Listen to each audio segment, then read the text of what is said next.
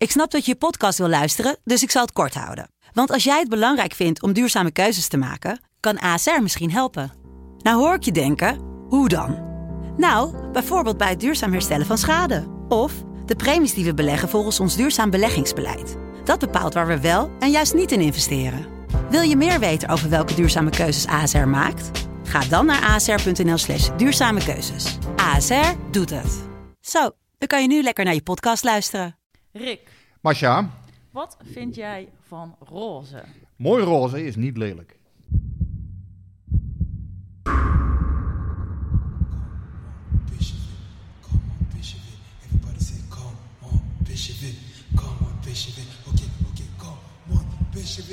Come on, come on,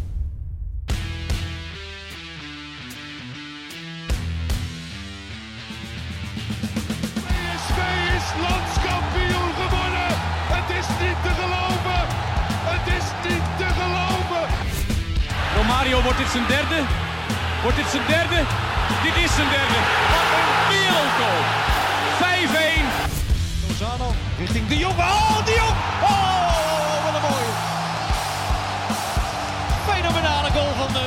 Welkom bij aflevering 39 van de PSV-podcast. Een week waarin PSV won in Venlo, een artikel rond Gutsen de geruchtenmachine op gang bracht en Joël Drommel zichzelf bijna een PSV'er mag noemen na water bij de wijn vanuit PSV. Altijd zonde, water bij de wijn, maar goed.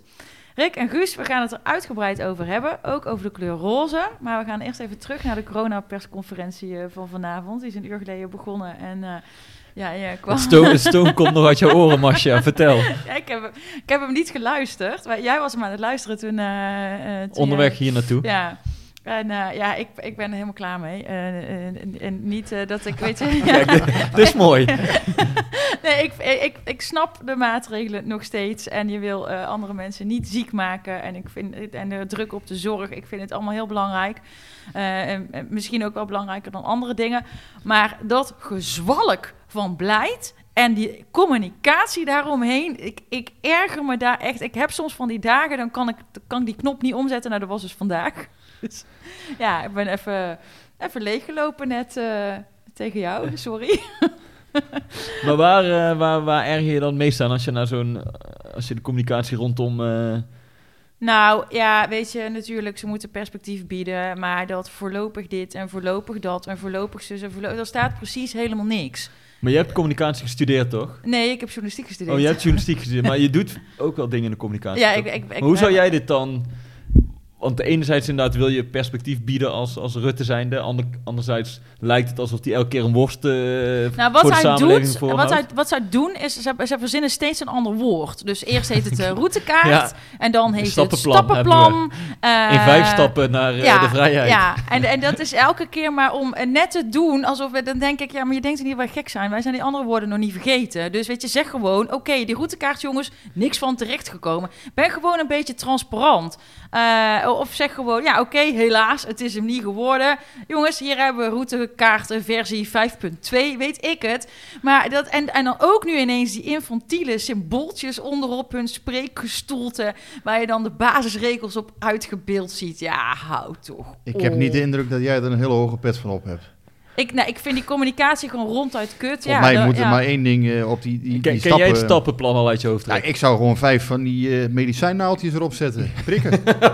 ja, eh, dat is het enige wat helpt volgens mij. Kijk, dat zie je in het buitenland toch ook. Dat, eh, in Engeland gaat het Ja. nu weer eh, behoorlijk open. Eh, ja, prikken, dat helpt. En eh, ja, als ze sodemieten prikken. En ja, kijk, iedereen heeft daar natuurlijk kritiek op. En een deel begrijp ik ook wel. Maar aan de andere kant, ja... Ik, ik voel- vind mijzelf niet deskundig genoeg om Nee. daar een heel afgewogen oordeel over te hebben. En, en dan, dan wil ik daar eigenlijk niet te veel van vinden. Hoewel ik wel het idee heb van, goh, wat je belooft moet je wel waarmaken. En, en Ja, dat, kan, zie dat je- kan nu op dit moment niet. En dat begrijp ik ook wel. Dat Dat, zie ze je dat wel niet elke kunnen keer beloven, dat maar ze- beloof het dan niet. Nee, En dan- daarom. En je nu moet, gaan je ze Maar het is, vooral, het is vooral inderdaad, je, kan- ja, je kan er weinig uh, Er is over zeggen, omdat je niet weet hoe het nou... Wij hebben er in ieder geval doorgestudeerd. Alleen het is wel wat jij zegt inderdaad, die communicatie. Je merkt nu ook dat eh huisartsen, p- eh, ziekenhuispersoneel zo, die komen ook in opstand als het ware tegen het beleid van de, eh, de overheid. Met niet doorprikken met eh AstraZeneca, wat, eh, wat dan niet eh, Ja. onder de 60 plus of onder de 60 prik mag worden. En daardoor merk je dat het in de, in de samenleving ook iets onrustiger wordt. Omdat ook zeg maar de vooraanstaande mensen die ervoor geleerd hebben... nu zich ook laten horen van... eh ho is, dit, eh, dit klopt niet. Ja, soms zeggen we beste overheid, Lijkt dit lijkt me niet zo slim. En, en we Om maar een zo- stapje te nou ja, maken. maar we 16 hadden zo- miljoen eh prikcoaches en we- we of hadden 17 zo- miljoen. Eh, maar dus, ik weet 17 Van, miljoen. bon, van bondscoach naar prikcoach. Ik zal, niet, ik zal niet zeggen dat ik alles van weet, maar het gaat wel. Ik, ik, het- net als de Follow the Money, daar kwam dan vanochtend. Dat ging over. Daar waar hadden we, hebben wij het vorige week ook al over gehad. toen we Frans Jansen te gast hadden. eh, dat één zo'n stichting krijgt eh, 900 miljoen of zo. Ja, jongens, kom op. Ja, ik kan me daar echt, echt over opwinden. En nee, ik heb niet overal eh, verstand van. Maar eh, sommige dingen denk ik wel van, nou, dat, dat, dat ja. eh, nee, ik kan er helemaal niks mee. Dit stukje frustratie is niet wel even, even Ja, is even weg. Ja, of even eruit. Ja, dan hebben Heb jullie je het ook. verder nog dingen heb die je graag die mij, wilt, eh, eh, nou, ik heb heel veel dingen die ik graag met jullie wil bespreken, maar niet. eh, niet Zijn er nog andere frustraties waar we je even vanaf Oh, kunnen ja. helpen? Gaan we een therapiesessie doen met, eh met Masha? Nee, Nee. zeker niet. Nee. ik zie geen, eh, ik zie geen eh, glaasje wijn nog eens. Ook geen water eh, bij de wijn dit Ik, keer. eh, nee, ik, maar ik eh, had vorige week ook geen wijn en de week daarvoor ook niet. Dus eh, ik ben, ben mijn leven aan het beteren. Heel goed, heel Ja. goed. Ja, maar een blikje cola. Ja, hier staan vier blikjes cola Ja. voor mijn neus. Eén voor jou, dat zegt ook veel. Vier blikjes van Rick als jij die in een uur opkrijgt, dat is ook niet gezond. Ja, het zijn wel kleine blikjes, hè? dus voor de, voor de beeldvorming eh, 150 Het zijn minuten. Voor de Dat zijn luisteraar, minis, Rick ja. drinkt dus gewoon vier blikjes cola op in, eh, tijdens de podcast. Moet ook, Ja. hè? We slapen allemaal weinig. eh, Ja, nee, daar gaan we het dadelijk wel over hebben. Ja, we zijn PSV in de gaten houden, een zware baan. Hey, maar heel even inderdaad eh, in het verlengde van die, van die maatregelen. ehm, er, er werd verwacht dat die avondklok misschien eraf gehaald zou worden. Nou, dat wordt eh, nu toch nog even verlengd. En dat betekent ook dat PSV Groningen, waar weer supporters bij mogen zijn... Ja, 24 april. waarschijnlijk vervroegd gaat horen, Rick. Dat, Ja, nu wij, wij nemen dit op en nu is er nog niet gecommuniceerd. Maar ik heb begrepen dat hij naar kwart voor zeven eh, gaat. Hè? Moet wel even onder voorbehoud. Eh, want ja, er was, stond om acht uur. er was nog een onderhandeling met ESPN over uitzendrechten.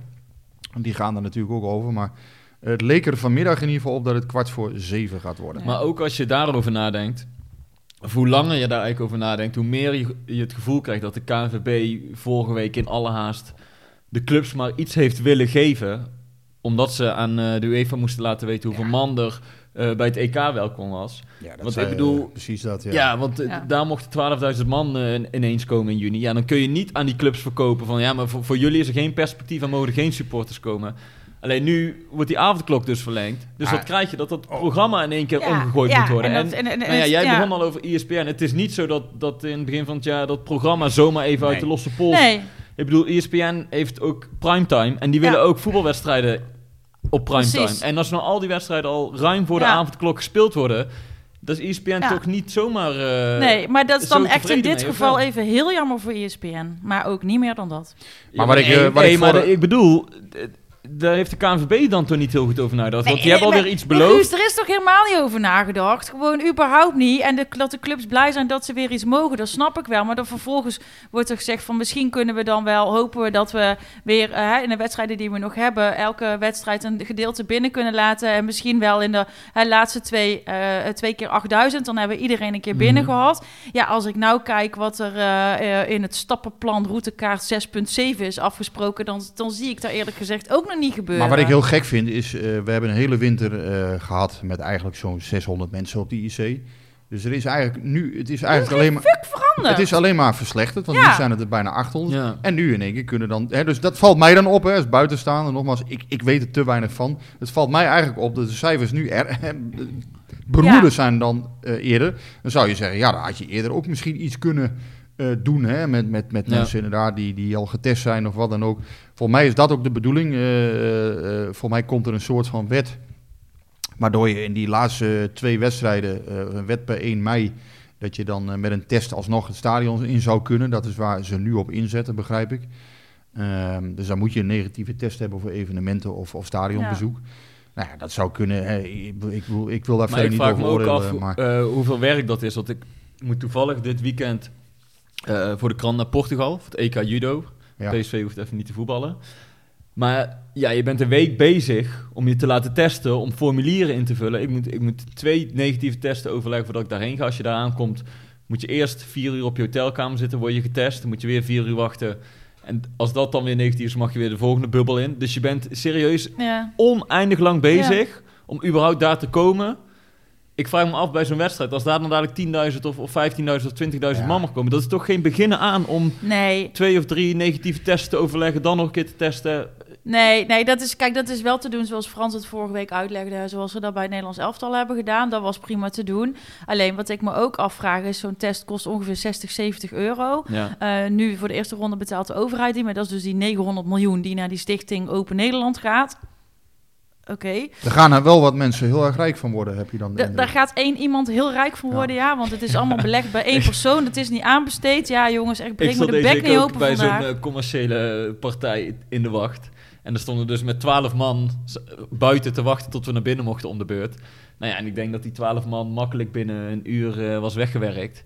En we moesten 100 euro per persoon betalen. Dus die, Maar dat, dat, dat, vind- dat valt mij dus op. Dat Reken die, maar uit. ja, die cijfers zijn slechter geworden. En eh, desondanks eh, de- komt dit nu allemaal op gang. En volgens mij was Guus vorige week heel warm. Eh, inderdaad, hè, dat- dus met, met UEFA, dat, dat in één keer, hè, dat EK komt eraan, dat moet met toeschouwers worden Mhm. gespeeld. En in één keer moest de bond laten zien van, goh ja, het kan wel. Het is volgens mij een rotvaart doorheen geramd vorige week, op Ja. 7 april. En, Ja. eh, maar wat ik nou me dan... shit, nou zitten we nog met die Ja. avondklok. ja, maar wat ik me dan daarna dus, wat ik me dan afvraag in het vervolg daarvan, dus, dus eh, oké, eh, UEFA wil iets, KNVB wil iets, er wordt er in een rotvaart doorheen geramd, dus ineens mag, het, mag er iets met voetballen. Nou, dat vinden wij dan allemaal heel fijn.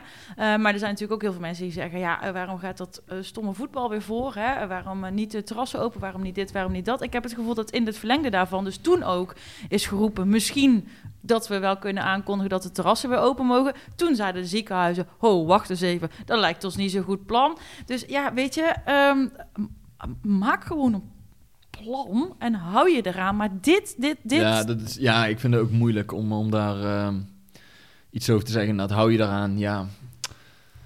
Ja, dat vind ik ook moeilijk. Ja, lastig. Ja, zijn, eh, ja, dit, dit- nou dit- ja. dit zijn ook dingen, wij zijn sportjournalisten.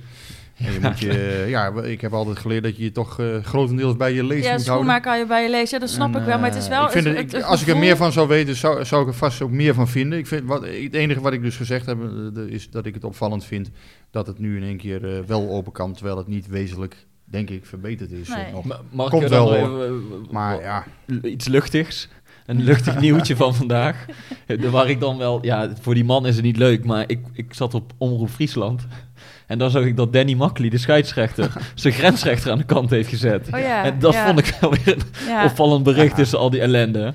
Ja, we gingen, we gingen eigenlijk gingen we, we hadden bedacht ook van misschien moeten we daar een nieuw rubriekje voor maken. Hè? Ja, dingen die d- ons opvielen in de media. Ja. dingen die je opvallen in de media, waar je toch wel dan een beetje om moet glimlachen of zo. Want eh, onder scheidsrechters is, is team Makkely, team Kuipers. Dat is allemaal heel hecht, hè. En dat, ik bedoel, als, als Kuipers ergens een grote wedstrijd fluit, dan... stel dat Hoor Kuipers je nou zomaar van Roekel eh, aan Nou, de kant ik- zou dat zetten. wou ik net zou zeggen. Altijd als je- wereld, eh, Altijd als je Kuipers ergens hoort, dan hoor je van Roekel en, Ja, en Zijnstra. Zijnstra, ja. Die namen hoor je na echoen, want die worden altijd wel een Ja. keer genoemd. En nu krijg je dan in één keer, in één keer het bericht dat eh Makkely ze de grensrechter aan de kant heeft gezet. Ja, ik vond het vooral een beetje sneu voor, Voor die die. Ja, zo net voor het EK. Ik weet niet of Makkely naar het EK gaat. Volgens, volgens mij wel, uit mijn hoofd. Dus die man die ziet in één keer een EK door zijn neus geboord Ja. worden. Omdat, Ja. hij, omdat hij een doelpunt van eh, Ronaldo niet, eh, niet heeft goedgekeurd. Ja, ik had, ik had wel een beetje Ja, medelijden met Ik die had man. ook medelijden met hem. Makkelijk heeft natuurlijk zelf ook niet zien. Maar goed, die staat natuurlijk op een andere positie dan... eh, ja, maar eh, het team Makkely is team Makkely niet meer. nee, ja. Nou ja, dat denk ik ook. Als je zo makkelijk wordt gedumpt, dan moet je er misschien ook niet bij willen horen. Ja. Nou, wat ik er raar aan vind, is dat ze hebben dus ook volgens mij ook geen VAR en geen doellijntechnologie. Dus het is, het is te- dan... Bij die kwalificatie had het dat niet. Nee, nee, het was echt het oog van de grensrechter had het moeten zien. Ja, dus hij had het wel moeten zien. Ja, en toen werd Ronaldo boos. Keiharde, hij- keiharde afrekening. Ah. Dat gebeurt er eh, als je met Ronaldo te maken krijgt. Ja. Hij heeft wel, eh, las ik wel weer, hij, heeft een, hij neemt nu een andere Fries mee. Dus het is wel een beetje kwartetten met Friesen wat hij Ah, doet. Een andere rajonhoofd. Mag ik van nu in de categorie Friese scheidsrechters? We gaan het zien.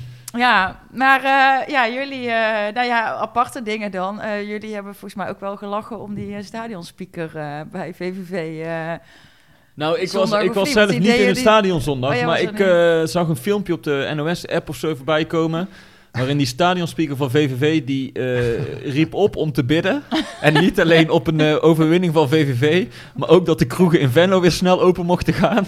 En op dat NOS-filmpje hoor je één iemand heel hard lachen. En ik wist gewoon dat het Rick was. dat was ik, ja. nou, ik, ik lachte daar inderdaad om. En ik lachte ook om ehm, dat hij eh, zei, eh bid vooral ook niet voor eh, Roel Jansen. Ja, daar moest ik ook heel hard om lachen toen ik ben dus terug gaan Ja, want leg kijken. even uit wie Roel Jansen is. Nou ja, Roel Jansen is eh, een Judas in de ogen van VVV. En Die dat is werd, van ook, VVV naar Fortuna gegaan. dat werd ook zo benoemd. Bid niet voor Judas, eh, Judas Roel Jansen.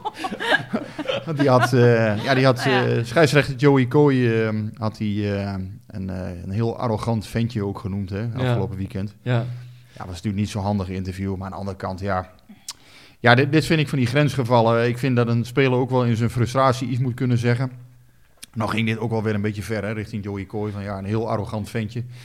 Ja, dat, dat zal hem wel op een wedstrijdje extra komen te staan. Maar ja, wij willen natuurlijk ook graag de spelers uit hun hart kunnen spreken, iets kunnen zeggen. Ja, en het is toch niet zo Eh, heel erg, een heel Nee, arrogant ik, ik vond het ook niet zo heel. Maar aan de andere kant Nee. denk ik, ja, het is natuurlijk ook niet... Ja, het is niet heel gepast natuurlijk. Maar Ik vind het altijd sterker als je dat doet als je gewonnen hebt en dan zeggen dat de scheidsrechter niet goed was, dan dat Ja. je zelf rood Ja, hebt gekregen en dan eh, leeg gaan lopen. Ja.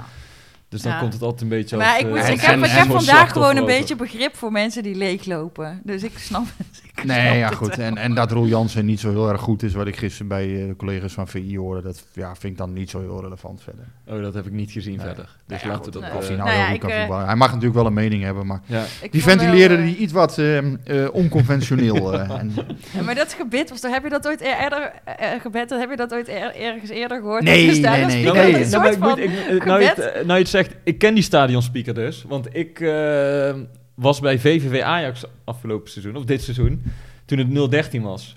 En ik wilde eigenlijk toen een verhaal gaan maken over het leven van een stadionspeaker in coronatijd. Want die, die leest dus de opstellingen voor, zo, terwijl er niemand zit. Dus toen had ik vooraf met hem afgesproken, mag ik dan bij jou zitten? En ja, dat vond hij allemaal gezellig. En eh, nou, voor de wedstrijd was het superleuk en hij deed zijn verhaal. En hij is dus ook zo'n soort tonprater in, eh, in Venlo. Dat zal jou niks verbazen, echt een supergezellige vent. En toen echt het 1-0, 2-0, 3-0, 4-0 in de rust. En toen zei hij al van, eh, oeh, dit is toch wel eh, veel. Maar weet je wel, 4, 5, 6, Hij 7-0. bleef heel positief. Ja, maar op een gegeven moment werd het 8-9-0 en je zag heel Oh, zijn gezicht gewoon oh ja, betrekken dat daarachter echt die microfoon. sneu. Ja, het was echt een regelrechte ramp voor hem. en, en- en- maar uiteindelijk, hij, hij, hij sloot nog wel af met de grap. hij, toen sloot hij af met de grap. Dit, was de, de beste wedstrijd waar we geen publiek konden hebben. En daar was het gevoel voor humor niet Nee, kwijt. nee Oh, ik vond echt een geweldige sterk. man. Dus toen ik hem dit hoorde zeggen, ja, ik, toen dacht ik ook, ja, dit past wel bij jou. Toen hoorde ik Rick Ja. op de achtergrond lachen. Toen dacht ik, ja. Nou, ik moet wel ze- zeggen ook over VVV. eh, ik ben daar één keer geweest eh, voor eh, VVV PSV. Maar niet in het uitvak, want het, is, het, is, dat was wel heel snel uitverkocht. Maar je kan altijd via via bij VVV heel makkelijk kaartjes krijgen voor op de thuisvakken. En toen waren we best veel. En dat deden ze dus heel goed. Dus wat ze doen is, ze, ze, ze pikken je er allemaal uit. En dan eh, eh, drijven ze je bij elkaar voor het uitvak. Want ze zeggen, we hebben jullie liever gewoon allemaal bij elkaar... dan verspreid over het stadion. Nou, en toen stonden we daar gewoon eh, met echt, eh, echt heel veel mensen nog voor dat uitvak. Lekker die wedstrijd Mhm. te kijken. Heel gezellig, heel gastvrij. Ja, eh, eigenlijk superleuk. Ik vind dat uitvak van VVV, dat heeft een soort eh, jaren 80, eh, echt jaren 80 uitstraling nog. Hè, met Ja, maar dat die hele stadion is ervoor. toch schattig? En dan vorig jaar eh, toen besloegen die ruiten op een gegeven Ja, moment. kon zagen, niks die, zagen die fans helemaal niks. Iedereen boos. Ja, En, Ja. Maar ik, ja, ik weet niet. maar dan het moet- is dan ook wel een leuke club altijd om te komen. Alleen Oh, ze hebben, ze wel, hebben ja, nu zeker. een ploeg die er echt geen houdt van. eh, Nee, van is, het is echt ongelooflijk. ja, maar dat echt snap ik wel dat die man gaat bidden. Ik heb echt PSV nog... Ja, die, die hadden er ook niet heel veel zin in eh, zondag hoor. Maar ja, hoe, Nee, want als ze zo slecht zijn, dan eh, was het, toch, het nou- toch wel een beetje een gemankeerde stand. ja, maar hoe moet je nou zo'n wedstrijd nou analyseren? Want eigenlijk PSV stond daar van... Ja, wij gaan hier echt geen punten spelen. Dat, ja, daar was VVV gewoon te zwak voor. En PSV had zelf volgens mij ook niet heel veel zin om... eh, om daar nou Nee. eh, met, met, met 8 of 9-0 te gaan winnen. En, eh, nee, nou, dat was wel duidelijk. dachten volgens mij al aan de week vrij die ze, die ze deze week hebben. Ja. Dus eh, nee, ja, maar dat is VVV. Ja, ik, ik, ik, het zou mij verbazen als dat nog goed komt. Hè, want ik ben altijd heel voorzichtig met dit soort uitspraken. Maar als, als die er nog in blijven, dat eh, het zou me echt ten hoogste verbazen. Maar het was wel echt, ik vond, het, ik vond die wedstrijd van vorige week saai, maar ik vond deze ook saai hoor. Maar Ah, deze was echt verschrikkelijk.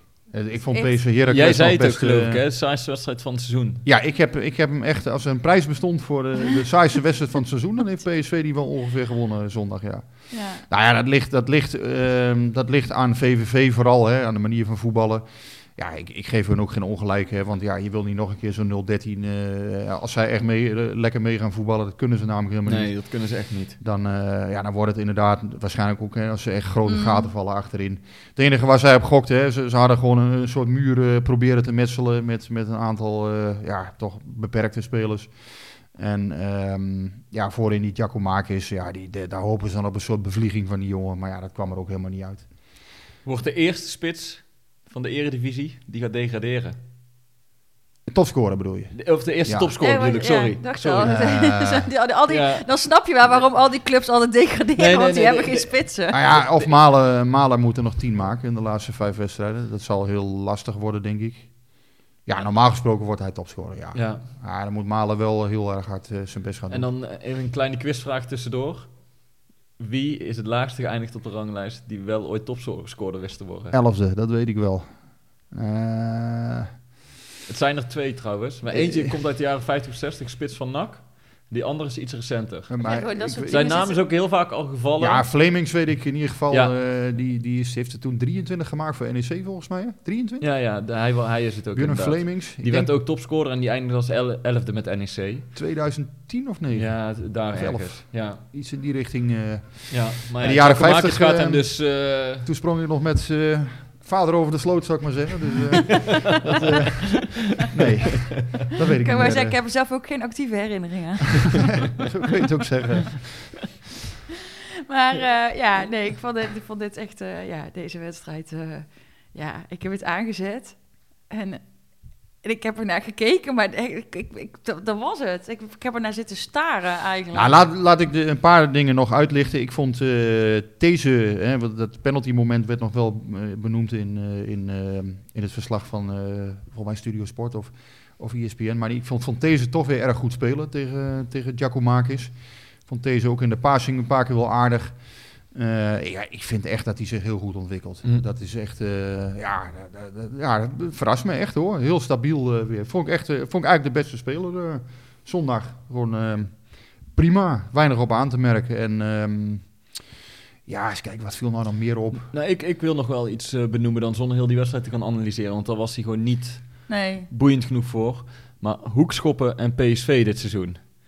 Dat is, nog geen, dat, dat is nog geen gelukkig huwelijk, hè? Ja, jij, hebt, jij hebt daar wat nou cijfers ja, over ik, eh, opgevraagd. de- de, ehm, iemand op Twitter zei dat ook, geloof ik, Provi. Van eh, hoe zit dat nou? En mij viel het ook al op dat ik dacht van ja, dat is PSV nog niet heel succesvol uit.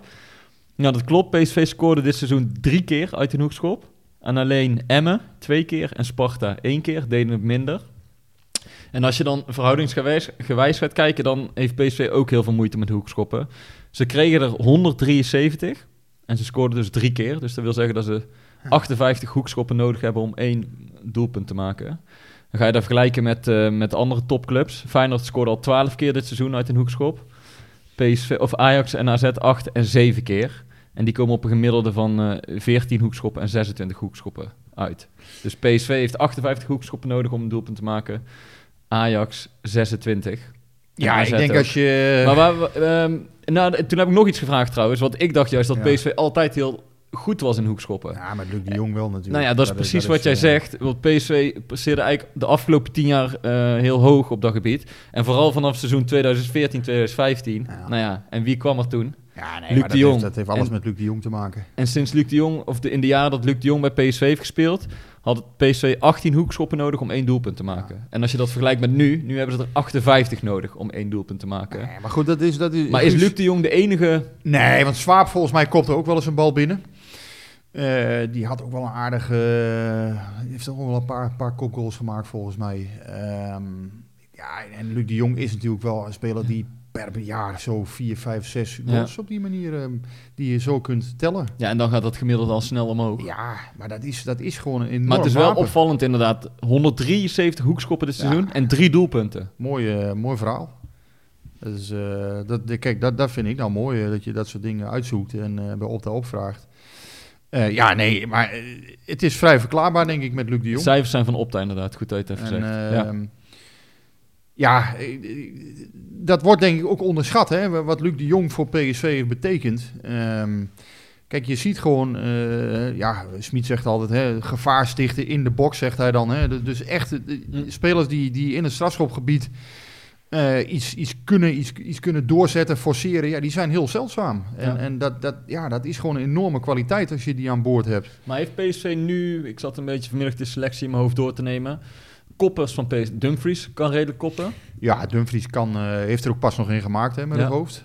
maar, maar Eh, verder, Zahavi heeft wel eens met het hoofd gescoord. Ja, maar zijn toch ook geen, geen geboren Nee. koppers, hè? Nee, dus je hebt niet echt, eh, Nee. echte kopspecialisten. Ik denk dat Viergever nog wel eens een bal binnen zou kunnen, maar- kunnen koppen. Maar goed, dan heb je het over... Als je dan bij Feyenoord kijkt, dan heb je inderdaad Bottegien, Geertruida, Ver, Senesi, nou, de Berg- Spice. Daar heb je heel wat, wat mannen die aardig kunnen koppen. Ja, PSV en- heeft en- niet echt een team van koppers. Nee, Berghuis is in de 16 ook, hoe, hoe, of hij nou kopt of niet, maar is altijd gevaarlijk. Berghuis is ook heel doelgericht. Ja, En, die, die eh, neemt ze vaak en die heeft ook een aardige trap. Dus dat, dat scheelt ook nog. Nee, maar goed, rondom Maar de het is- 16 is Berghuis ook Oh, altijd... zo. eh, ja, ja, ja, ja, dat klopt. Dat Zij klopt. hebben heel veel scorend vermogen in de ploeg. Eh, Maar als je puur even naar, naar stilstaande situaties gaat kijken, dan heeft PSV niet uitgesproken specialisten. De, de, de hoekschop bedoel ik dan. ik, vind, ik vind Moreno eh, is ook zo'n voorbeeld volgens mij. Zo'n Hector Moreno, Ja. die, die eh, had ook nog wel eens een keer... eh die Alex. Kopte, kopte ook nog wel eens een balletje binnen. Alex die begon op de rand van de 16 met rennen. en die rende Ja. dwars door het net heen met bal en al. Dat is wel een tijdje geleden. Ja, dat is een tijdje geleden, ja.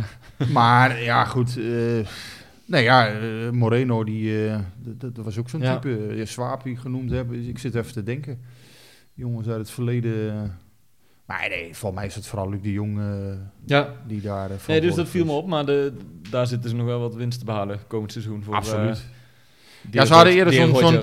Zo'n soort schoolklasje, of ja, ze hadden al zo'n klasje, weet ik, met eh eh, spellenvattingen. Eerder deed Ruud Hesp dat altijd. Eh, ja, en, en hoe, wie die rol heeft overgenomen, weet ik niet.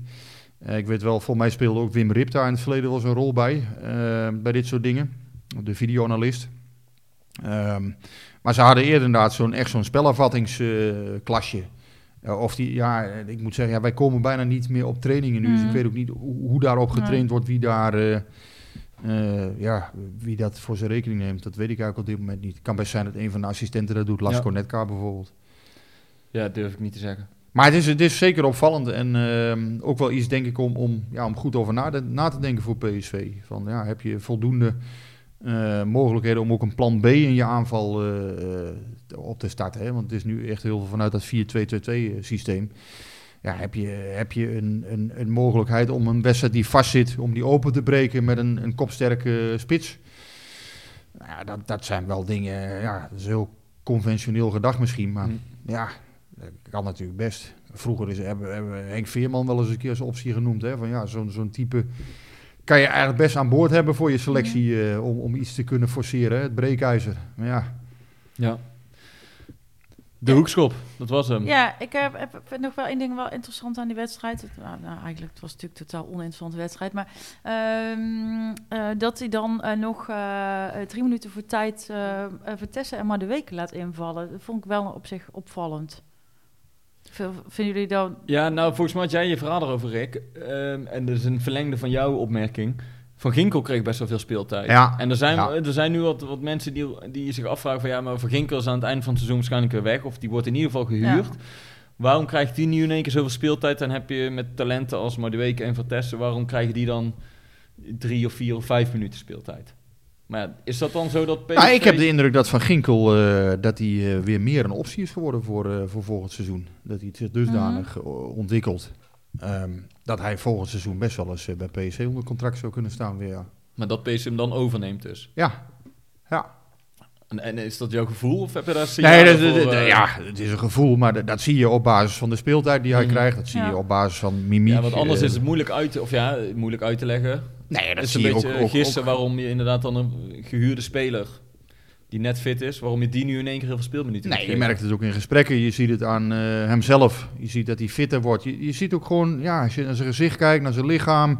Ja, Van Ginkel wordt weer echt eh, beter, fitter, strakker. Eh, ja, je ziet gewoon dat, dat hij vooruit gaat. En dat, dat, dat zie je aan het bewegen op het veld. Ja, het zijn kleine dingen. En Smit hoor je daar ook achteraf over. Die zegt ook van ja, Ja, en misschien kan hij ons volgend seizoen ook helpen. Dat Ja. is best mogelijk. Maar waarom dan geef je dan Vitesse maar de weken nog drie minuten? Dat, weet je, Ja, dat is eh, inderdaad, dat, dat doet hij dit seizoen wel vaker, hè, van die hele late invalbeurten. Dat wekt wat eh verrevel op hier en daar. Ik geloof niet dat dat bij de spelers zo eh, enorm leeft. Ehm, ja, dat Iatare niet gespeeld heeft, is natuurlijk wel een dingetje. Maar je Ehm, kan het ook twee kanten op bekijken. Hè? Want vaak krijg je, jongen, ik weet niet precies hoe dat bij PSV zit. Maar vaak is het wel zo, als je invalt, heb je nog recht op de wedstrijdpremie. Ja, dat dus je zou kan het ook zo zeggen, Smit gunt die jongens nog eh, hun wedstrijdpremie. Dus je kan het ook positief uitleggen. Hij, hij kijkt Ja, zo... ik weet, niet een precies hoe dat bij, ik weet niet precies hoe dat bij PSV geregeld is. Maar ik weet dat bij andere clubs, in, bij sommige andere clubs gaat dat wel zo. oké, Ja, je, kan, ja. je kan in ieder geval weer een vinkje zetten als speler. Ik bedoel, ja, ook al is het twee Ja. minuten, je hebt die wedstrijd gespeeld. Ja, En- maar weet je, dan denk ik toch, nou doe het dan iets langer dan drie minuten. Dat kan dan toch ook? Ja, ja, klopt. Dat kan ook. Maar Dat ik vind kan. het moeilijk om... Ja, daar heeft eh, hij niet voor gekozen. Nee, nee, ja. Ja. nee, ik- ik snap mij wat je niet bedoelt. altijd om te vragen, wat moet ik doen, Nee, helaas. nee ik, ik, ik snap ook wel. En het wekt wat irritatie op. En misschien ja, ook met een vol stadion dat dat anders zou zijn. Hè? Dat, dat jonge spelers er nog kort voor tijd invallen. Dat, ik, ik weet niet of dat dan beter zou vallen. Dat misschien een goede speler die het goed gedaan heeft nog alsnog naar de kant gaat. Even applaus. Mm. Ja, daar kan ook meespelen dat dat nu meer opvalt. Ik weet Ja. niet. eh, ja. Ja, ja, publiekswissel is nu natuurlijk een beetje raar. Ehm, maar Ja. goed, ja. Ehm, ja, laten we dan maar even doorgaan eh, naar... eh, eh, wat, Of nog, nog één ding wat misschien nog een beetje vasthangt aan de wedstrijd van zondag. Het keeperstenu van Envogo. Ja, nou, dat is wel leuk dat je dat... Ik moest wel lachen, want toen jij appte vanmiddag... laten we het over het keep- keeperstenu eh hebben. Toen dacht ik, oh, Gijs, Gijs de fashionista. Eh, maar, even kijken, waar heb ik dit? Ja, eh, Maarten Jan van Nuenen, die vroeg namelijk ook aan ons... wat vinden jullie van de kleur van het keeperstenu? Ik weet niet, heb je die, heb je die vraag voorbij zien komen? Of is dit gewoon Ja, wat- volgens mij wel. En, en nou, sowieso, hij, hij keept in het knalroze. En nou ja, dat is opvallend misschien. Een hele opvallende kleur als je hem daar zo ziet staan. Dus ik, ik had ook aan PSV gevraagd van wie, wie bepaalt dat überhaupt, weet je wel? Is dat eh, Puma die, eh, die gewoon eh, de kleuren bepaalt of het shirts aanlevert? Nee, dat is de club en de keeper doen dat in samenspraak. En de keeper van PSV heeft drie, drie kleuren tenues. En afhankelijk van de tegenstander, van de scheidsrechter en van de tenue waar PSV zelf in speelt, kiest de keeper in welke kleur hij gaat keepen. En volgens mij heeft Mbogo, jij weet dat beter dan Rick, geel, geel, groen en roze, toch? geel, groen en roze. En Ja. afgelopen Het zijn wel vrij primaire kleuren. Ja, het, nou, het zijn hele felle kleuren. Dus toen Ja. dacht ik, ja, waarom kiest een keeper daarvoor voor die felle kleuren? Nou, er is een... NRC heeft in 2010 een, eh, een verhaal geschreven over een Brits onderzoek dat felle kleuren van keepers dat dat spitsen afschrikt. Of in ieder geval voetballers afschrikt. nee, het is best interessant. Ze lieten voetballers ehm, een penalty nemen op eh 20 penalties nemen. En die keepers wisselden steeds van, van kleur shirt. En hoe feller het kleur shirt, eh, hoe minder vaak er werd gescoord. Ja. En die onderzoeker die zegt, de penaltynemer... eh, even kijken hoor. Oh ja, de penalty... Oh ja, rood was het... eh, daar werd het minste gescoord. En waren er voldoende respondenten? Ja, ik, ik, wacht, ik ga je even voorlezen wat, wat de, de sportpsycholoog Ja, die aan het dat leuk. onderzoek gekoppeld was. De penaltynemers zagen rood als bedreiging, waardoor ze meer aan zichzelf begonnen te twijfelen. Al dus sportpsycholoog Ian Greenless, die betrokken was bij het onderzoek. Als mensen rood zien, raken ze bezorgd en angstig en proberen ze snel uit de situatie te komen. En de keepers voelden zich dominanter in het rood, waardoor zij meer strafschoppen stopten. Nou, ja, maar je ziet wel, eh, als ja, je wat zo op, de kleur op de roze velden... dan, vraag ik me Ja, af. maar Is dat is ook een redelijk felle kleur. Ja. Maar als je zo op de velden kijkt, er zijn weinig keepers volgens mij die nog helemaal in het zwart keepen of zo. Dus die, je ziet die felle kleur wel steeds vaker terugkomen, voor mijn gevoel. Ja. Rick denkt, wat moet ik hiermee? De Nou kleur ja, van een ja ik, heb het er met, ik heb het er vroeger met, met Galit Sinou, eh, nou je zegt, heb ik het er wel eens over gehad. En eh, die zei ook van, eh, je moet als keeper, ja, hij vond dat ook belangrijk. Hij zei, je moet als keeper wel, een, die trok altijd een strak shirt aan, zei hij. Want Ik Ja. wil als keeper gewoon laten zien dat ik eh, gespierd ben, sterk ben en dat ik je aan kan. Dat was zo- volgens mij een beetje zijn, eh, zijn verhaal. Ik heb het toen niet met hem over kleuren gehad. Ja, het zou kunnen dat dat, Nee. dat, dat meespeelt, maar... Ja, Remco Pasver heeft daar ooit over gezegd. Ik houd ervan in een fel shirt te spelen. Ik vind het belangrijk dat ik opval. Als de spits druk, druk is, ziet hij in zijn ooghoeken de keeper staan. Weet je, dus hij hoopt als het ware een beetje de, de spits af te schrikken door zijn Mhm. felle tenue. En ja, als je in het zwart in, op het veld staat, dan schrik je misschien, of dan val je misschien minder op. Ik zou een soort tijgerpakje of zo dan eh, aan, hè, of, eh, Ja, het eh, wordt bijna nou, een soort... Ja, maar soort, dit, wat, eh, dit is... Ik, ik heb dit dus niet... Hoort die Borat? Dat kan Bor- natuurlijk ja, ja, ja, Borat Borat. pakje? Dat kan natuurlijk worden. Dat schrikt Ja. helemaal af. Ja, Ja. mag alleen niet, hè? Dat is jammer. Oh, nou, eh, eh, eh, ze kunnen bij mij wel wat carnavalspullen kunnen komen lenen, want die liggen hier toch weer in de kast. Nou ja, ik vind, ik vind het wel interessant. Er wordt dus wel over nagedacht, hè, over de kleur van Ja. het eh, tenue. En, en toen ging ik even doorzoeken. En vroeger keepte de keeper dus nog gewoon in hetzelfde shirt als de spelers. En dan heb ik het wel over eh, eind, eind, eind 1800, eh, begin 1900. En toen, weet je, toen, waardoor je de keeper kon herkennen? Quizvraagje even tussendoor. Die zette gewoon een pet op. Dus, dus dat, dat was ook mooi geweest. Als Envogo gewoon elke keer hetzelfde shirt te trekken en even zijn Gewoon petje een opzet voordat hij naar buiten loopt. Ja, Dat zou toch ook mooi zijn? Ik heb deze week alle, alle keepers van PSV opgezocht. Vanaf 1915 tot, eh, tot nu. Ja. En eh, wat me opviel was dat er heel veel langjarige dienstverbanden tussen zitten. Ja? PSV heeft eigenlijk nog maar, eh, volgens mij is Joël Drommel de 18e of 19e keeper. Eerste keeper dan, hè, heb ik het over. PSV heeft natuurlijk wel meer Ja. keepers gehad. Ja. Maar echt pas de 18e en 19e echte eerste keeper van PSV in, in 100 jaar. Dus dat is best wel... eh, ja, dat is eigenlijk best wel opvallend. Kijk, Hans van Breukelen 10 jaar, eh, Ronald Waterreus 10 Waterreus. jaar, Jan van Beveren 10 jaar. Ja, dat zijn natuurlijk allemaal de legendarische Liewe Steiger 15 jaar. 15 jaar eerste keeper van PSV, weet je. Dus dat, dat, dat is wel opvallend. En de laatste jaren natuurlijk, hè, Oenestal, eh, Soet ook nog 6 jaar. Dat is ook nog best wel lang. hoe lang heeft hij onder? Gomez 4 jaar. Toch nog wel vier jaar. Dus dat is wel opvallend dat, dat, dat ja, eigenlijk keepers bij PSV meestal redelijk lang meegaan. Ja. Ik weet, niet of, ja, ik weet niet of het bij andere clubs ook zo is. Maar het viel mij op dat die dienstverbanden allemaal zo lang waren. En, nee, ja, nee, dat, dat klopt. Maar ik vind het ook weer niet zo gek dat... ehm, want ik zat er ook nog even over na te denken over die keepers tenues. Net, toen we het erover hadden. Ik vind het ook niet zo gek dat keepers in een hele felle kleur willen keeper. Want keepers zijn toch een beetje excentriek. Beetje de rare snuiters. Eh, Ja, Als ik uit eigen ervaring praat, ik weet nog, toen ik eh, in het eerste bij mijn amateurclub speelde, toen hadden wij eh, Martijn van Strien, zegt je Ja. dat nog iets? Oud-keep van FC Den Bosch en Telstar. Die keepte bij ons. Ja, dat, dat was echt zo'n flapdrommel, wel echt geweldig. En eh, we moesten een keer trainen op pakjesavond. En toen ging hij een half uur voor de training, voor het einde, toen raakte hij geblesseerd zogenaamd. Toen ging hij eh, naar de kant, ging hij douchen. Toen zaten wij later in de, kleed, of in de, in de kantine een biertje te drinken. En toen kwam hij verkleed en gesminkt als Zwarte Piet in een rolstoel binnen. en toen had hij dus een zak met cadeautjes bij en voor iedereen een gedicht gemaakt. ja. En dat, deed, heeft hij dus altijd gedaan, dat als, als Zwarte Piet in een rolstoel binnenkwam. ja. oh, dat is toch leuk. Ja, en, we- en we hadden een keeper, dat moet ik nou ook nog ontdekken, Jeff, eh, Jeffrey Venrich. En eh, die kwam van, eh, van een andere amateurclub en we waren op trainingskamp aan het begin van het seizoen. En dan moet je elkaar even leren kennen en dan stel, stel je jezelf voor. Dus hij ging als nieuweling voor de groep staan. Toen zei hij ook, nou, ik kom van eh, Dosco en ik ben eigenlijk een jongen die, ehm, ja, die een beetje de kat uit de boom kijkt. Dus eh, ja, zo, zo zit ik in elkaar. Nou, wij gaan s'avonds op stap met het team. Wij staan in een kroeg. en na tien minuten staat die poedelnaakt aan de bar. Lekker man. Dus ik denk dat hij 10 minuten de, de kat uit de boom heeft gekeken. En toen geloofde hij het wel. Boxershort, alles uit. Dus eh, die past wel in het rijtje van de keepers waarvan ik dacht van... Ah, dat zijn best wel rare snuiters. Tja. Tja, dat zijn ook weer... eh, Maar ehm, Ja. moeten we nog even over Joël eh, Drommel hebben? ja, als we het toch over keepers, Over keepers hebben. hebben. Ja, die, die was van de week ja, niet poedelnaakt, maar wel Nou, ik- half naakt, denk ik, bij, bij eh, Top Support, bij de keuring. Dus.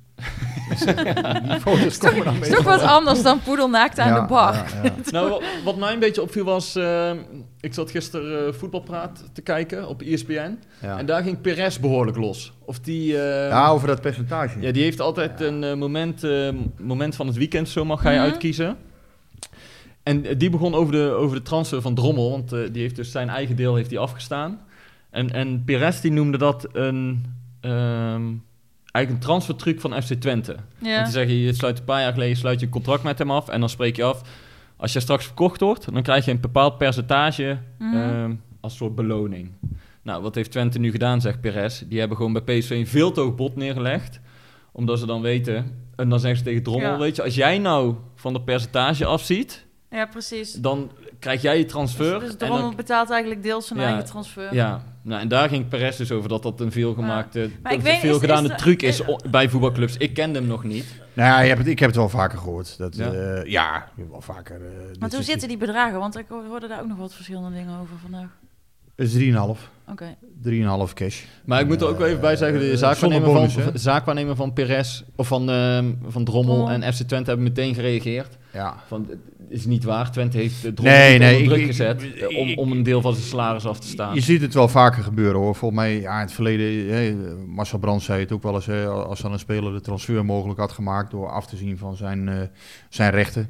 Dat, dat komt wel eens voor. Ehm, ja, er zijn, er zijn soms eh, zaakwaarnemers of spelers die behoorlijke eh, eh, percentages bezitten. Maar werkt dat zo ja, bij die clubs die dan gewoon te hoog gaan zitten en dan tegen de speler zeggen, weet je, als jij er nu van afziet, dan laten we dat zitten. Maar dan, komen ze, dan komt de club dus eigenlijk nog op het bedrag uit wat ze ervoor willen hebben. Je kan dat niet bewijzen. En in dit geval, ja. Ik denk dat het van Twente eh 6,5 miljoen vragen, dat dat gewoon echt volslagen idioot was. En, Maar van eh, zelf 6,5 naar 3,5, er zit ook nog een groot gat tussen. Dan hebben ze Ik denk dat deze deal vier weken geleden ook gesloten had kunnen worden voor 3,5. Ja. Ja. En, en dat, dat wist iedereen dat het daar ongeveer op uit zou komen. Want PSV gaat niet meer betalen voor deze keeper. En, en een keeper met een jaarcontract en met de status en ervaring van Drommel is op 3,5 miljoen denk ik heel goed gewaardeerd. Ik denk dat dat gewoon een redelijke prijs is voor alle partijen. En dat had Twente zich ook wel kunnen realiseren. Waar, waarbij ik niet wil zeggen, nogmaals, ze hebben het recht om te vragen wat ze willen. Ze hebben het recht om het te proberen. Maar het was al lang duidelijk dat Drommel naar PSV wilde. En eh, ja, volgens mij had je deze deal vier weken geleden voor hetzelfde bedrag kunnen, kunnen sluiten. Kijk, eh, PSV is niet helemaal eh, gek. En ze gaan natuurlijk niet eh 4, 5 miljoen betalen een keeper. Want ze zeggen, ja, dat is hij gewoon niet waard. Zo, tenminste, wat ik altijd begrijp, werken zij gewoon zo niet. En zeggen ze gewoon, ja, deze waarde heeft een speler. Los van alles wat er, wat er gaande is. Ja, er kan misschien nog heel ietsjes bij komen. Maar ja, nee hoor. Maar ik bedoel, met deze keeper was er over negen maanden of over acht maanden gratis een contract af te sluiten. Ja, en hij zal nu ook wel een deel tekengeld krijgen. Ik weet dat niet precies hoor. Maar hij zal echt wel een deel, eh, een deel tekengeld krijgen. Dus ja, zoveel slechter wordt hij er ook niet van. We Maar ook... wordt, wordt PSV er beter van? Wat Nou ja, dat zo moeten afwachten. Ehm, dat weet ik niet, want ik zit eigenlijk even niet op te letten. ik krijg namelijk net, sorry, ik krijg namelijk net een appje binnen van, eh, vanuit mijn eh, eh, vak L. En ik check even mijn mail. En PSV heeft inderdaad net alles gecommuniceerd rondom die wedstrijd ehm, FC Groningen en een beperkt publiek. Ehm, en ze streven er nog steeds naar dat alle seizoenkaarthouders dit seizoen minstens één thuiswedstrijd bij kunnen wonen. Maar we hadden het over Drommel. Ja. Ehm, Wordt PSV er beter van? Oenerstal naar Twente, Joël Drommel naar PSV. Dat weet ik niet, want ik, ik, weet niet, ik weet niet hoe goed hij keept. Ik, ik weet het niet. Ik weet wel dat die vragen wel heel erg leven bij, eh, bij supporters. Van, is dit eigenlijk wel een goede deal geweest voor, eh, voor PSV? Ja, ik heb daar dus niet echt een mening over. Want ik weet dus eigenlijk niet zo goed hoe goed Joël Drommel eh, keept.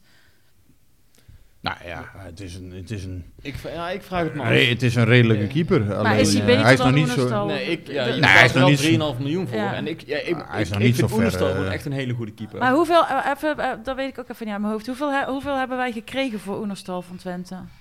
Nul. Oh, nul. Is transfervrij, Ja. transfervrij Ja, vertrokken. oké. Oh ja, dus zij krijgen Oenerstal. En wij kopen Drommel. Dus wij hebben 3,5 miljoen betaald voor een keeper die waarschijnlijk helemaal niet eens per se beter is dan Oenerstal. Nou ja, Nou, een daar keeper- gaat daar- PSV wel vanuit. En die is jonger, dus er zit ook meer potentie. Je eh, moet het zo zien. eh, kijk, zij, zij kopen nu een keeper van 24. Ja. In, in, in deze leeftijdscategorie eh, is in principe zijn Bijlo en eh Drommel zijn de mannen. Eh, daar daar ga, daar Mhm. gaan ze nu vanuit. Nou ja, en, en zij hopen natuurlijk met Drommel een keeper te kopen die op termijn oranje gaat halen en die zich bij PSV gaat verbeteren. Nou ja, dat hebben ze in hem gezien. Ze hebben in hem een allround keeper gezien eh, met goede reflexen. maar ook alle meevoetballen die keeper. Ja, juist, een keeper die ook goed kan meevoetballen, die lang eh, zelf veldspeler is geweest. Ehm, ja, zij rekenen erop dat hij eh, hier gaat doorgroeien. Dat hij ook met de druk om kan gaan. Want dat is ook wel een dingetje aan Drommel. Die heeft als tiener al meegemaakt. Eh, een degradatie met Twente. Eh, hij is al een paar keer flink eh, van, zijn, van zijn sokkel gevallen daar. en ook weer opgestaan. Dus hij heeft een bepaalde mentale kracht heeft hij, laten zien. Hij heeft Maar het dit vind je dat? nou, hij heeft, hij heeft echt wel de afgelopen jaren goed gekiept. Alleen de afgelopen periode En dat vind ik dus wel opvallend. Ja. Toen hij transfer ging spelen, heeft hij dus niet zo goed, hij heeft niet zo goed Ja, gekiept de afgelopen periode. Dus dat pleit niet echt voor hem. Aan de andere kant, ja, of je hem daar nu op die paar wedstrijden moet afrekenen, dat weet ik niet. Maar ik vind dat hij daarvoor wel een hele stabiele indruk heeft gemaakt. Zeker ook vorig jaar uh, keepte hij echt goed. Ja, dat klopt. En het blijft ook moeilijk, want inderdaad, bij Twente heeft hij toch iets minder druk. En als hij een keer een wedstrijd iets minder keept, dan valt het ook niet zo op. Terwijl hij, heeft, Ah. hij heeft het goed gedaan, hoor. Wij, wij doen, Twente is wel, ja goed, dat Ja, klinkt, maar klinkt die stom. heeft, die heeft- Twente is geen PSV, maar Twente is wel een grote club. Is, is buiten de top 3 is Twente wel een club waar je behoorlijk... eh, eh, daar zit toch elke keer 26.000 man. Dan Nee, moet je nee, echt maar, wel eh, behoorlijk eh, ja, wat gaat- laten zien. Ja, maar het gaat mij meer om als Twente een keer een wedstrijd niet wint, of als het Twente een keer gelijk speelt. Dan is het niet zo dat de media daar, daarop duiken van crisis dit of wat is er aan de hand. En minder, minder. Dat Maar- gebeurt gewoon niet bij zo'n club. Dat is bij een top 3 club, dan, dan is er meteen ellende als ze twee keer achter elkaar verliezen. Ja. Die druk voel je niet bij een subtopper of een middenmotor, hoe je Twente ook wilt noemen. Hoeveel man er ook op de tribune is. Daar nee, dat is, dat is anders. Je speelt niet direct voor, eh, voor hoofdprijzen. En dat, dat is wel een groot verschil. Ja, en dat zal hij gewoon, hoe dan ook, als hij hier dus een fout maakt. Ja, dat is een ongelooflijk cliché, want het, iedereen zegt, ja, dat kun je nu gewoon niet voorspellen. Hè, als hij een fout maakt, maakt hij een blunder. Ja, hoe herstelt hij daarvan? Eh, maakt hij er niet nog een? Eh, blijft hij onbewogen? Ja, dan gaat iedereen het over hem hebben. Hè. Je ziet het bij Scherpen.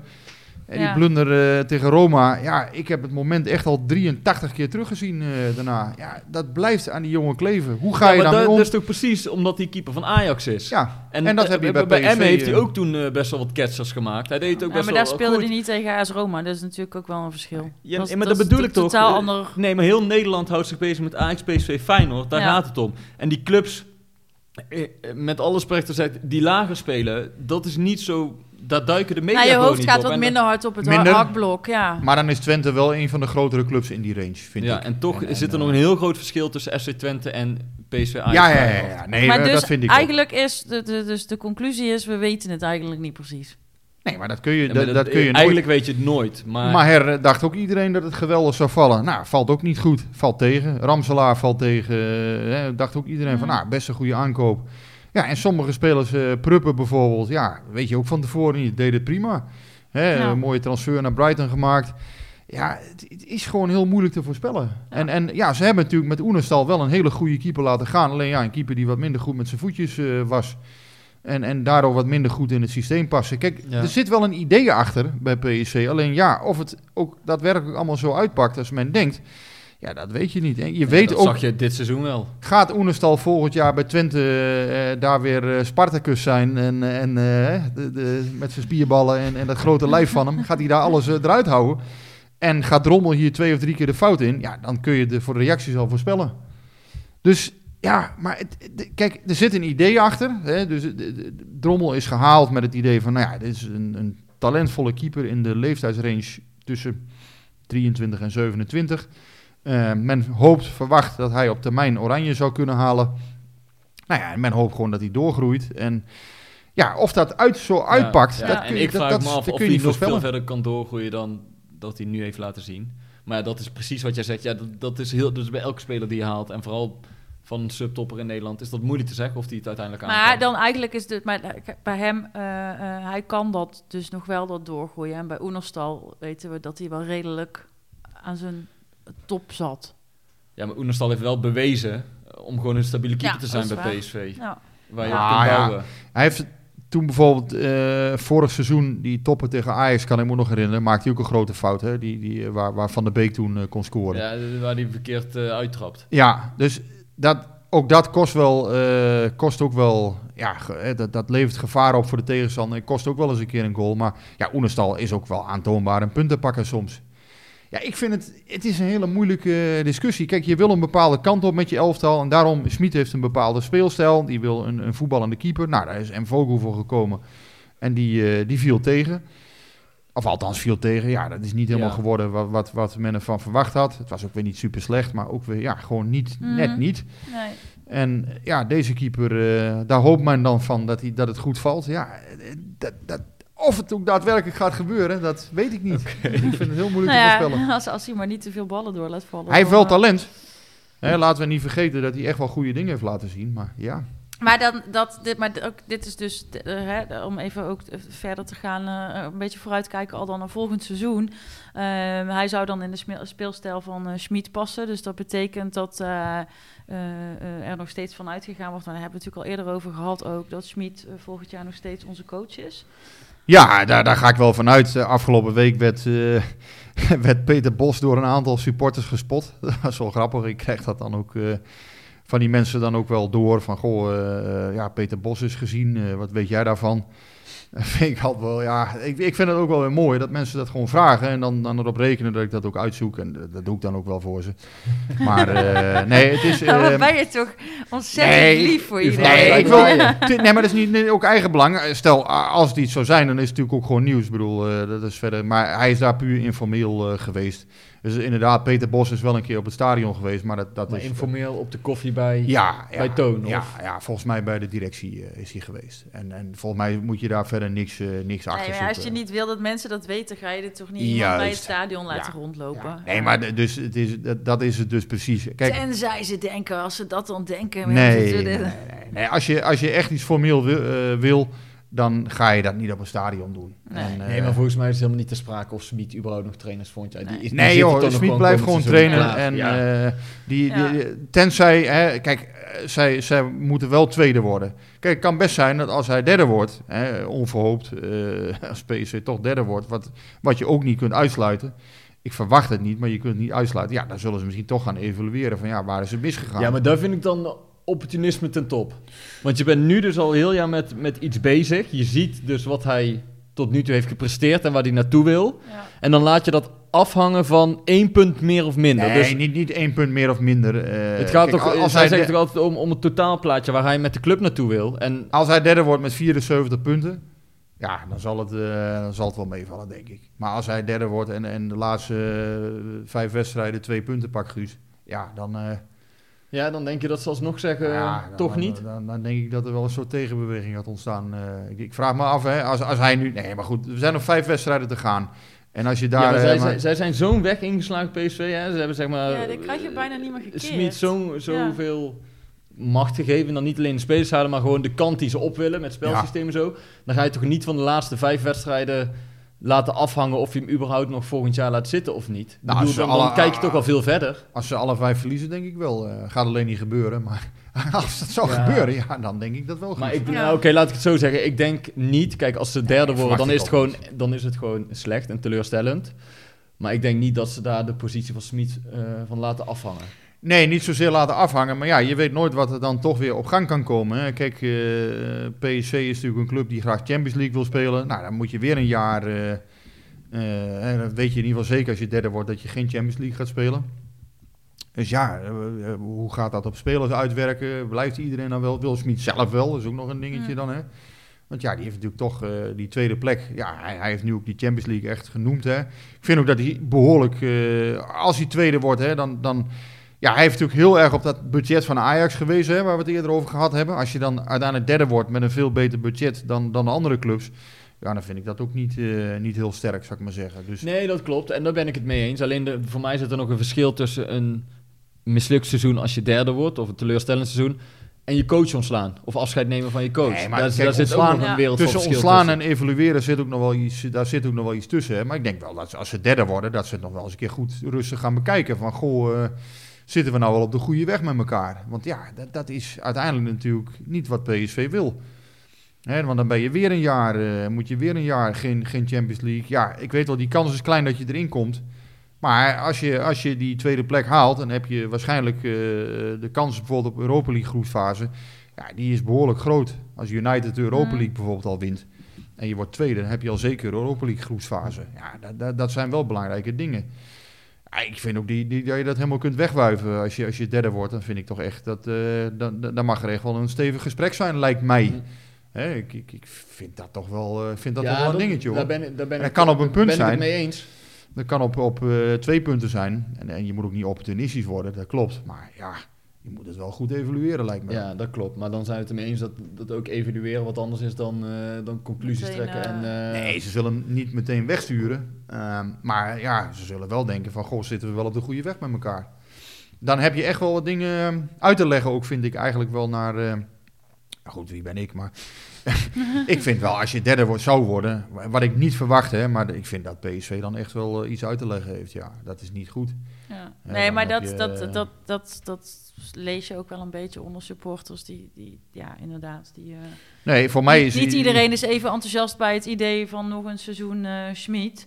Nou, het zou, het zou gek zijn als je het niet zou doen, hè, maar ik vind die tweede plek toch echt wel een soort van ondergrens. Ja. Hè. Ik vind echt dat PSV zich ook een beetje, ja, mag zich ook wel een beetje wat dat betreft wat druk opleggen hoor. Mhm. Kom, eh, de PSV tien keer kampioen geworden in Ja, 20 maar da- jaar. daar ben ik het allemaal mee eens. Alleen, en, en, eh, er mag best wel de wat druk discussie zijn. is volgens mij welke conclusies je eraan verbindt. Als, als, als ze die, die tweede plek niet halen. Ja, nou ja, dan moet je, dan moet je toch goed gaan kijken van wil je, wil, en hoe wil je verder en zit je wel op de goede weg qua, qua trainingen, eh, qua systeem, eh, wil je op Ja. deze Ja, manier maar dan verder? ja, dat klopt. Maar ja, ik blijf erbij. Qua Als- spelersgroep. Als het qua training en zo niet goed zit, dan zou de club dat nu ook al moeten zien. En dan heb je het daar nu ook al over. Dan, dan is het niet afhankelijk van de, de laatste wedstrijd die je wel of niet wint, waardoor je tweede of derde wordt. Dat zou ik, Nee, dat- dat zou dat- ik heel gek beleid eh, vinden. Dat zal Ton Germans ook nooit doen, want die is precies wat jij zegt. Die zal eh, zeggen van, goh, wij hebben dat in Mhm. wedstrijd 32 al lang geëvalueerd. Ehm, maar ja, dan nog, er, z- er zal toch wel... Tuurlijk zal de toon van het gesprek anders zijn als je dat zeker. Ja, maar, maar uiteindelijk, eh, als jij derde wordt, heb je hoe dan ook toch wel een probleem. Hm. En dan, dan heb je ook wel naar de buitenwacht, denk ik, wel wat Ja. uit te leggen. Ja. Want dat, dat is toch wel, eh, ja, dat zou gek zijn. Maar nogmaals, ik ga er niet vanuit. Ik denk dat PSV nog steeds eh, goede papieren heeft om die tweede plek te pakken. Ehm, en, en ik vind ook dat PSV zich die druk gewoon moet opleggen. Ja. Nee, dat, dat moet toch gewoon het minimale zijn wat je deze selectie kunt, kunt peuren. Ondanks een rotjaar, ondanks alle Mhm. blessures, trammeland. Maar dan nog, eh, ja, het mag ook wel een beetje druk op, op zitten, denk ik. Eens. Ja, ja, ook eens. Ehm, wat, wat ik nog wel graag even wil weten van jou, eh, Rick. ehm, over Gutsen werd gisteren in de Duitse media iets, eh, iets geroepen. Hè? Dat Gutsen aangegeven zou hebben Ja, dat klopt. hij wel interesse heeft om weg te gaan na dit seizoen. Ehm, Jij in paniek. Ik totaal in paniek. Ja, het idee dat je niet. eh, ik heb ook gewoon getwitterd. Oh, eh, eerst even spelen voor volle stadions en dan kunnen we misschien praten.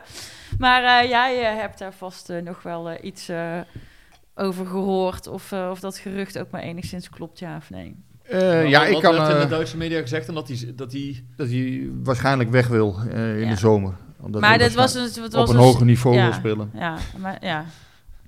Eh, even kijken, wat kan ik erover zeggen? Nou, eh, op de eerste Stel plaats gerust. eh, heeft Gutsen, wat ik begrijp van alle bronnen, heeft hij het prima naar zijn zin in Eindhoven. En is PSV heel blij met Gutsen. Vinden ze hem een voorbeeld, een rolmodel, vriendelijke vent, normale vent. Correct in gedrag, in trainingen, in, in het meenemen van spelers. Misschien wat stilletjes, maar goed, hè, daar kun je misschien dan niet van hem van verwachten als dat in- niet in zijn karakter zit. Maar eh, wel gewoon echt een stille, een stille voetballeider, zou ik maar zeggen. Hè. Dus in wedstrijden ook wel een leider. Laatste wedstrijden vind ik hem ook niet geweldig. Maar goed, ja, hij, hij, ja, je, ja, je kunt ook niet zeggen dat het heel slecht is. Ehm, in principe blijft hij eh, gewoon. Eh, tenzij, en die tenzij zit erin, dat inderdaad als er een grotere club komt, eh, of tenminste een club uit een grotere competitie, dan zijn er voor hem wel wat mogelijkheden om te vertrekken. Maar het is niet zo dat hij transfervrij weg kan. Eh, zo heb ik het althans begrepen. Dus er is wel een, een soort haakje in zijn contract. En ik denk dat daar een, eh, een behoorlijk bedrag aan hangt. Ehm, ja, dat hij weg kan bij, bij belangstelling van een eh, grotere Ja. club. Ja, het nou, vooral grotere competitie, laat ik het zo zeggen. Ehm, en wat dat bedrag precies is, weet ik helaas niet. Dus dat kan ik, kan ik niet melden. Ehm, maar ik weet wel dat, dat dat haakje er ergens wel is. Alleen ja, betalen zal er sowieso, eh, als je speler, eh, hij, heeft nog twee, hij heeft nog een jaar contract hierna, dus dat, zal sowieso betaald moeten worden. Ja, en, en wat, is, wat is Mario Gutsen bijna 29 waard? Ehm PSV heeft een transfervrij opgepikt. Ja, stel een club biedt 10 miljoen. Ja, wat moet je dan doen? Zeg maar.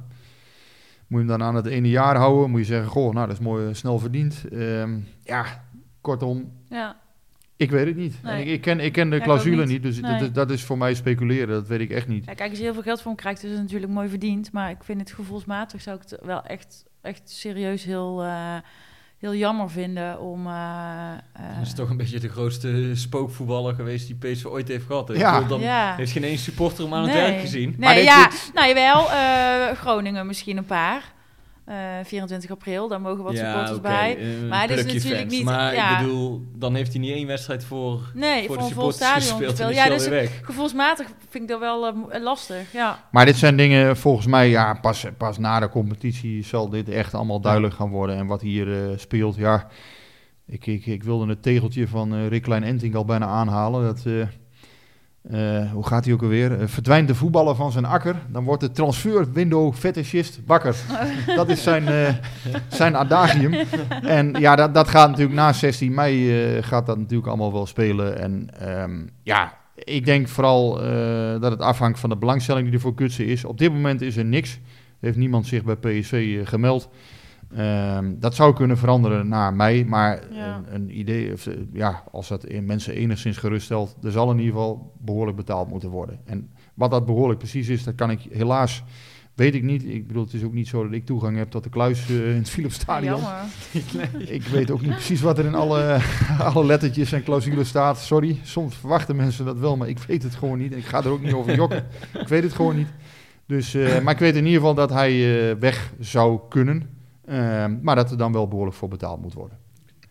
Hebben we nog eh, vragen? Eh, ja, daar zat ik even doorheen eh, eh, te scrollen. We hebben al een aantal dingen hebben we al wel ehm, eh, behandeld. Eh, maar eh, Ruben Looyen, at Pen the Little, eh, die vraagt... waarom denken jullie dat Van Ginkel telkens op een van de half tien posities wordt ingebracht? Ligt zijn kracht juist niet meer op een van de centrale plekken? Ja. Ja. Volgens mij kan hij op allebei de posities spelen. Hij is niet echt de, de creatieveling die, die Gakpo en, en Gutsen zijn. Meer een loper. Dus ja, je zou hem ook vanaf, eh, vanaf die controlerende positie kunnen brengen, inderdaad. Ja, ik denk dat hij alles, eh, tenminste zo legt de trainer het ook uit, ik denk dat hij alle posities in kan nemen op, op het middenveld. Hij heeft wel eens voordeel dat hij eh, die diepgang en scorend, hè, dat scorend vermogen heeft hij wel. Eh, tenminste, dat had hij in het verleden, moet hij nu natuurlijk nog weer eh, bewijzen allemaal, maar dat, dat heeft hij in potentie wel. Ehm, ja, en, en verdedigend vind ik hem ook altijd wel sterk, dus hij kan op die zes positie ook wel, eh, wel uit de voeten.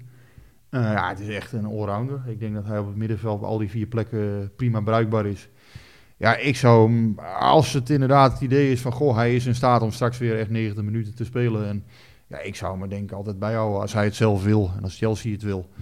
Ja, dan, lijkt het mij ook niet de meest dure speler. Ik denk niet dat Chelsea nog een heel hoog bedrag voor moet vragen. Dus Nee. ja, je weet, en je weet wat je hebt. Ik bedoel, eh, het is een super, eh, super prof.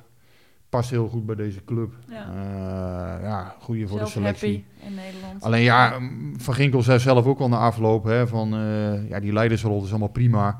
Hij zei, maar ik ga niet op de voorgrond treden als ik heel weinig speel. Nee. En, En terecht, inderdaad. Dat dat, dat dat voelt hij dat wel heel goed aan. Ja. Hij zei, ja, dit is allemaal leuk en aardig, maar hij zei, ik ben geen type dat eh, even wel even gaat zeggen in de kleedkamer van, goh, zo en zo gaan we het doen. En, eh, dat, Nee. de- Nee. Kijk, als je zelf speelt, Ja. drie jaar geleden, ja, toen was het natuurlijk een heel andere Van Ginkel. Ja. Was hij de aanvoerder van het team en eh leidde die PSV naar het kampioenschap, dan heb je wat makkelijker dus- praten ja, dan dat je nu al een jaar lang eh, op de bank zit. Nee, maar hij is een hele slimme jongen. Die, die zorgt echt wel dat hij niet met zijn spierballen vooraan staat op het moment dat hij niet, niet speelt of niet veel speelt. En, en als hij wel eh, prominent aanwezig is, ja, dan is het gewoon een, een echte aanvoerder. Ja, Ja, Nog over, eh, over aanvoerders eh, gesproken. Eh, eh, dat wil Ralf Moren weten. Die heeft het over eh, eh, de, de verwachting dat, dat Malen gaat vertrekken. Maar hij wil eigenlijk weten hoe concreet is die belangstelling. Maar vooral ook voor Dumfries. En denken wij dat Dumfries echt toe is aan een stap hogerop. ja kan. Ja, ik denk wel voor beide spelers dat dat goed zou zijn. Ik denk vooral ook voor PSV goed zou zijn in verband met de centjes. Eh, nou ja, Malen taxeer ik toch op een miljoen of dertig. Als hij er nog een paar bij maakt, eh, ja, ik vind dat vrij hoog, maar Het is jij, hoog. Hebt, jij hebt daar eh, misschien beter inzicht in dan ik. Nou, ik denk Maar wel ik vind dat 30 hij, miljoen best wel veel voor Malen, eerlijk gezegd. Hij is international. Hij heeft nog echt wel heel veel dingen die, die, eh, die hij moet verbeteren. Maar ik zie wel bij hem een aantal heel specifieke kwaliteiten. En dat is met name zijn snelheid op de eerste meters. En als hij zijn, zijn afwerking nog verder verbetert, ja, dan is hij echt een, eh, een spits volgens mij die, ehm, die wel op een hoger niveau kan spelen. Maar we moeten het ook niet overdrijven. Hè? Als we kijken naar alle spelers die weggaan uit de eredivisie. Kijk eens naar Sam Lammers. Maakt geen enkele Mm. minuut bij eh, Atalanta op dit moment. Hè? Donny van der Beek heeft het Hakim moeilijk. Ziyech. Maar da- daar eh, wilde ik Bergwijn inderdaad heeft het voor- moeilijk. Soms heb ik het gevoel dat wij in Nederland het gevoel hebben dat er alleen in Nederland talenten zijn die Ja. die Europese toplust kunnen versterken. Maar ja, dat is precies wat jij zegt. In Spanje, in Frankrijk, in Kroatië, weet ik, in die Oostbloklanden heb je ook heel veel van die goede voetballers. Mhm. Er zijn zoveel talenten. Alleen eh, wij hebben het gevoel als hier een, talent loopt bij Ajax, PSV, Feyenoord, dan is dat de versterking voor alle topclubs in Europa. Terwijl ik denk inderdaad, we voetballen hier op een relatief Ja. bescheiden niveau. Eh, en ja, soms zit er een, een Frenkie de Jong tussen van Matthijs de Ligt. Maar dat is echt de regel, op de, eh, een uitzondering op de regel. En dat is precies wat jij zegt. We moeten ook niet doen alsof Malen nou interessant is voor elke topclub in Nee. Europa. Want dat is gewoon niet zo. Nee. ja, eerder is Dortmund wel eens genoemd. Nou, dat zou kunnen. eh, Milan wordt heel vaak genoemd. Maar voor- ja, ik heb eerder wel eens begrepen dat hij daar dan weer niet heen wilde. Eerder, hè, dus ik weet niet of dat nu nog zo is. Maar mij lijkt, ja, ja 30 miljoen, daar, daar, ja, dat lijkt mij toch wel een vrij reële inschatting Ja. op dit moment. En Dumfries zou ik toch een stuk lager eh, Ja. Gaan zitten. Ja, Bex wordt gewoon minder voor betaald. En ja, ik heb eerder wel eens, mensen rekenen op 20. Ja, dat lijkt mij te veel. Maar dat is ook meer wat jij zegt, inderdaad. Hoe reëel is die kans, is de vraag eigenlijk dat ze weggaan. Nou, volgens mij wil PSV ook wel meewerken aan het transfer. Nou ja, goed, Dus, dat eh, heeft ze te hebben maken. dat geld ook gewoon eh, nodig. Ja, ze Ja. Hebben, zij, dat, dat is gewoon een plan wat ze met die spelers maken. En eh, En het liefst voor 1 juli hebben we vorige week begrepen. ja, voor 1 juli zou, zou voor PSV goed uitkomen. Wordt het daarna, ja, dan heb je volgend jaar al een heleboel gewonnen. Maar heb je dit jaar een heleboel pijn. Maar Ja. ja, Malen, Malen denk ik wel eh, ja, dat het goed is om die transfer te maken. En, en Dumfries, ja, is het eigenlijk na drie jaar heeft hij zelf gezegd. Als spelers zelf wel zeggen van, ik ben daaraan toe. Ja, dan, Dan, is het eh, eigenlijk wel. en- en, ja, dan ik is denk- het sowieso tijd misschien. Misschien Rosario toch ook wel, Ja. Iatare. Hè, die, dat is de hele club die bij Mino Raiola zit. eh, Ja, eh, daar hebben we het al vaak over Ik denk dat die alle vier eh, Nou ja, eh, voor een transfer in aanmerking komen. tijd, tijd voor transfers en tijd om af te ronden, denk ik. Meer dan een uur. Ja, dus eh, dan eh, gaan wij weer zeggen houdoe en bedankt. Tot volgende week.